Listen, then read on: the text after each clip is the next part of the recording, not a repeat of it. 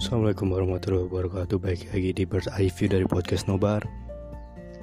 Setelah lebih dari tiga bulan vakum gak ada episode Terakhir tuh episodenya Dark Season 1 ya kalau nggak salah Iya karena uh, pada saat itu ada satu dan satu dan lain hal yang nggak bisa gue gue apa ya gue gue barengin dengan podcast. Jadi podcastnya tuh libur dulu selama tiga bulan kemarin. Tapi sekarang udah balik lagi. Dan gue udah nyiapin banyak sekali bahan-bahan buat episode-episode ke depan dan segala macam. Dan kayaknya uh, uh, kalian semi uh, di episode-episode depan gue bakal bahas film-film yang udah bilang di cukup, cukup bisa dibilang lawas juga kali ya.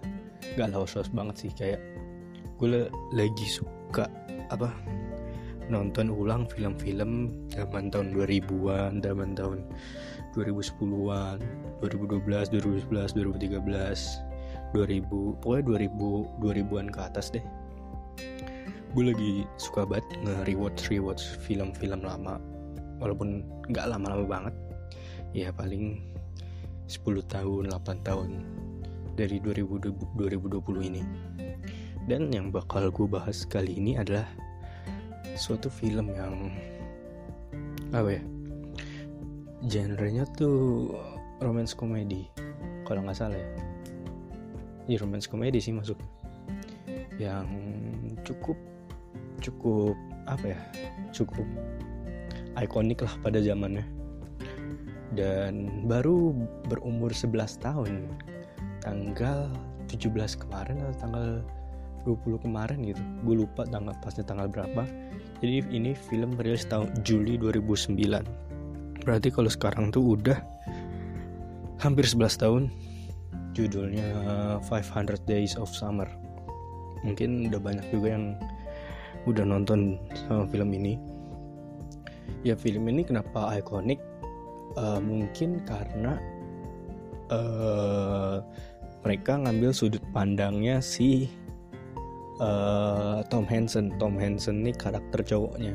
Kan biasanya kalau apa film-film tentang romance dan segala macam lebih ke karakter ceweknya. Tapi ini tuh lebih menonjolkan ke karakter cowoknya si Tom Hansen yang uh, bertemu dengan Summer Finn.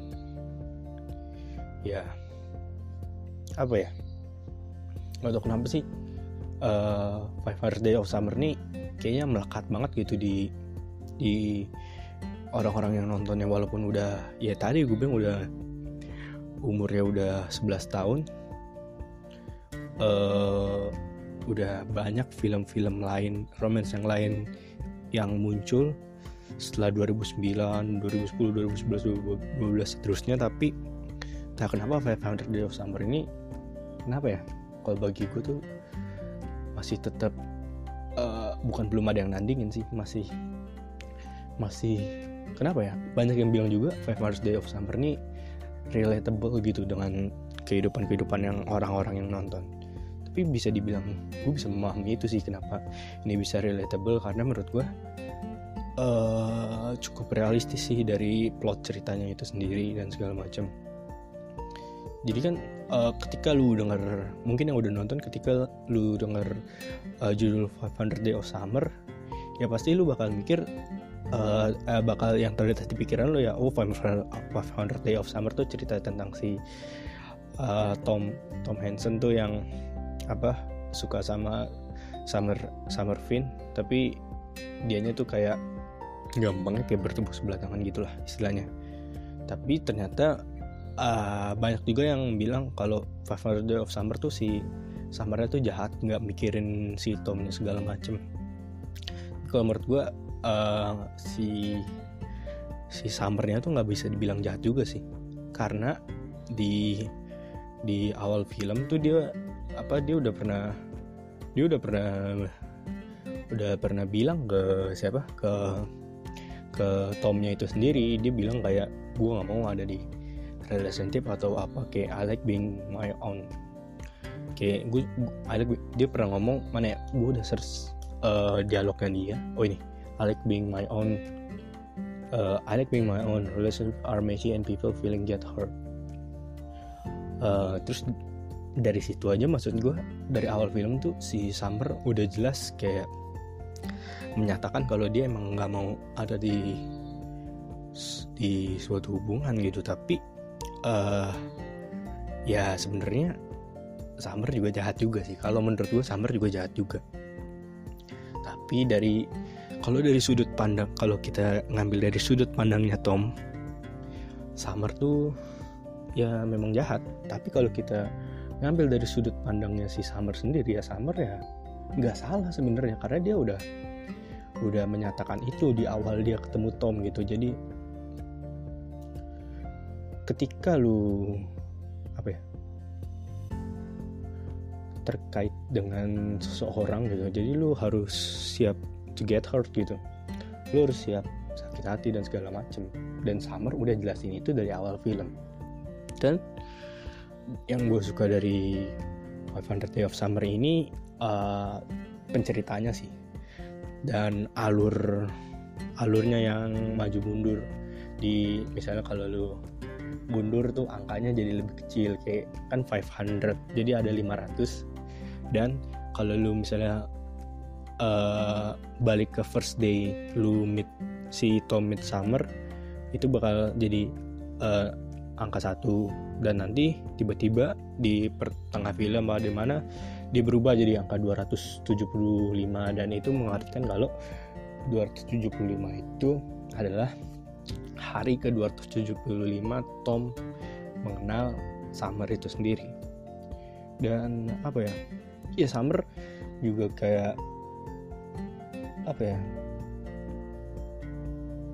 Kayak si Tom tuh kan kayak percaya banget akan suatu hubungan gitu. Tapi si Summernya udah sering apa ya udah sering peringatin si Tom. Kayak dia ngomong there's there's no such thing as love it's fantasy. Jadi sebenarnya Summer menurut gue sih nggak salah karena ya dia udah mengingatkan Tom.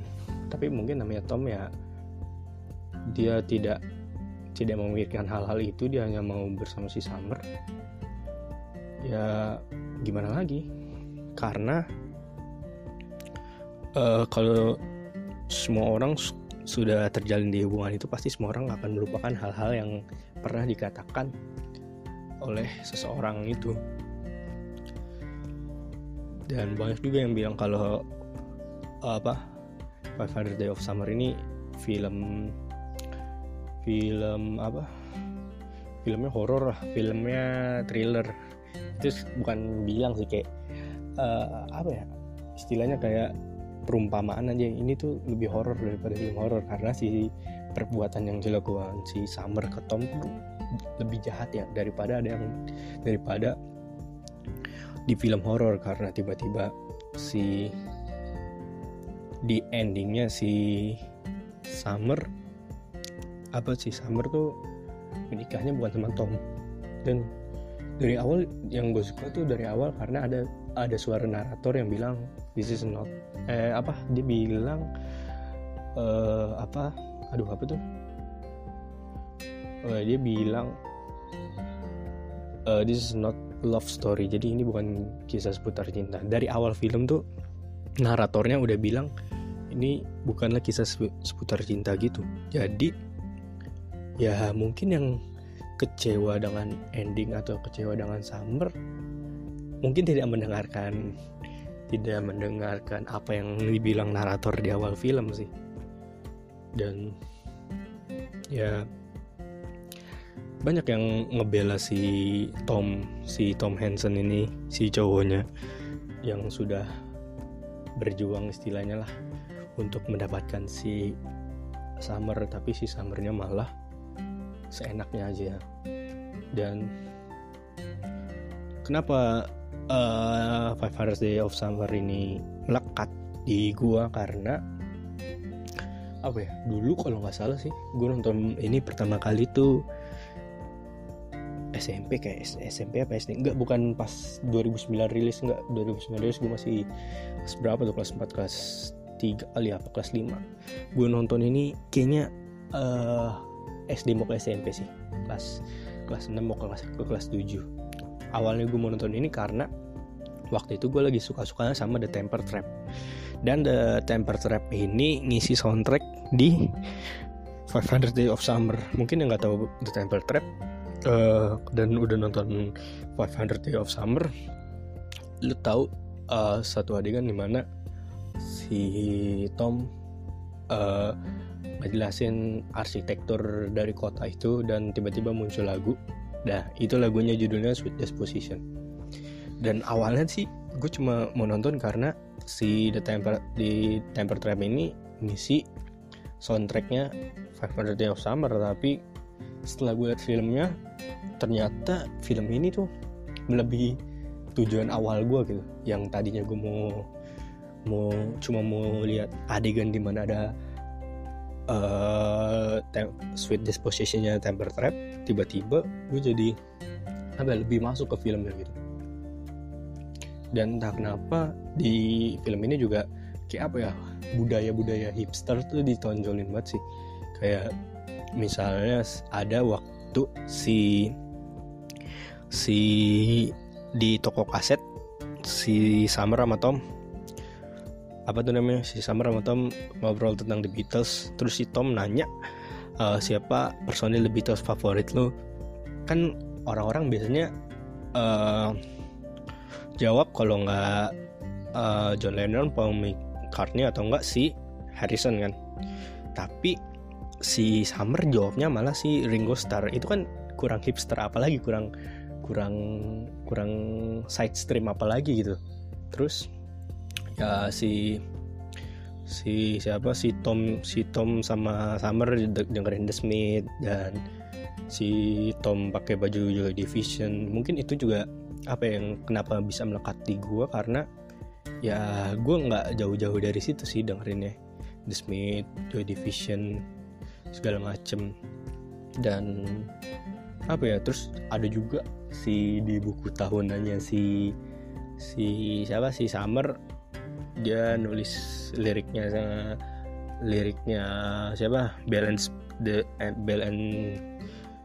Sebastian yang lagunya The Boy with the Arab Strap yang liriknya tuh Color My Life with the Chaos of Trouble. Itu kan kurang side stream apalagi kurang hipster apalagi. Emang di Five Day of Summer ini menonjolkan budaya-budaya hipster itu sih. Ya di apa adegan pas di lift juga yang dia deng uh, there's lagunya The Smith there's like that never goes out. Itu kan ya judulnya kalau nggak salah eh there is a light that never goes out. Iya itu si Tom dengerin lagu itu terus si Summer kayak nanya lu suka The Smith? dan segala macam iya sih. Budaya-budaya uh, pop culture-nya tuh kental banget di film ini. Dan apalagi yang gue suka dari film ini tuh itu sih. Di mana uh, split screen di sini tuh dimanfaatin banget buat yang nggak tahu split screen itu yang ada layar dua ada layar dibagi dua yang satu nampil ini satu nampil ini. Sering tuh kan di film-film. Nah di sini tuh yang gue suka split screen di sini dari awalnya udah udah dari awal awal film awal film kan diliatin Summer sama sama Tom tuh pas masih kecil gimana yang di kirinya si Tom yang di kanan si Summer. Terus pas waktu di apa waktu di waktu mereka marahan yang kanan kiri diliatin pas habis bangun tidur dan segala macem. Dan yang split screen yang paling paling gue suka di sini adalah adegan di mana si si uh, Tom datang ke apartemennya Summer. Dan di situ ada expectation dan realitinya itu sih menurut gue di situ ikonik banget di mana si di kirinya expectation di kanannya reality. Kalau nggak salah ya apa kanannya expectation kiri reality. Ya gitulah pokoknya.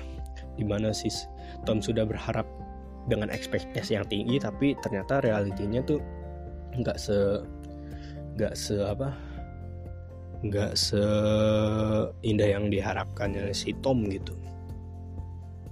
Dan kalau adegan-adegan ikonik lain banyak sih. Ketika ketika si awal-awal film jadi kan awal a- maju mundur yang awal eh apa alurnya maju mundur. Jadi di awal film dia tuh udah mereka udah berantem segala macem yang dia ngomong. Eh, kita tuh kayak Sid sama Nancy. Buat yang nggak tahu Sid itu Sid Vicious itu vokasnya Sex, Sex Pistol terus si Tomnya nggak terima gue bukan Sid bla bla bla segala macem. Dan ternyata si si siapa? Si Summer mempo- memposisikan Sid bukan di Tom tapi di dia sendiri. Itu juga menurut gue lumayan lumayan melekat sih di gue adegan itu. Dan yang melekat lagi mungkin sih adegan di mana di IKEA sih. Yang lucu itu ya lagi tiduran terus tiba-tiba ada keluarga Cina di ini itu itu lucu sih sebenarnya. Iya dan sebenarnya eh, ada juga karakter nggak cuma mereka berdua doang. Yang menurut gua pors yang menurut gua penting sih di sini ada siapa tuh namanya? Yang jadi adeknya Tom. Sekarang udah gede namanya Chloe Grace Moretz. Iyalah kalau gua nggak salah nyebutnya gitu Chloe Grace Moretz. Yang dia tuh main di eh, apa remake-nya Carrie juga. Di situ eh, karakternya dia karakternya dia namanya Rachel Rachel, Rachel Hansen adanya si Tom. Dia tuh apa ya seperti tempat tempat curhatnya si Tom sih sebenarnya. Dia kayak waktu si si Tom si Tom apa ya si Tom kayak gagal bukan kayak si Tom baru ditinggal sama si Summer dia tuh kayak ngomong kayak just because he like the same bizarre crap you do doesn't mean she, she's your soulmate. Jadi eh, apa enggak eh, bukan karena eh eh, bukan gara-gara dia suka hal yang sama kayak lu ya dia juga bukan berarti soulmate lu. Soalnya kan kayak Sama Hansen nih eh sama Hansen sama Summer nih suka banyak hal yang sama kayak The Smiths dan segala macem. Dan itu tuh nggak menjamin kalau dia itu soulmate lu kalau lu suka hal yang sama dengan dia. Dan ada satu lagi adegan di mana si Tom sama Rachel ngobrol. Eh, apa ya? Yang membuat Tom ini sadar gitu dia harus moving on harus jalan ke depan.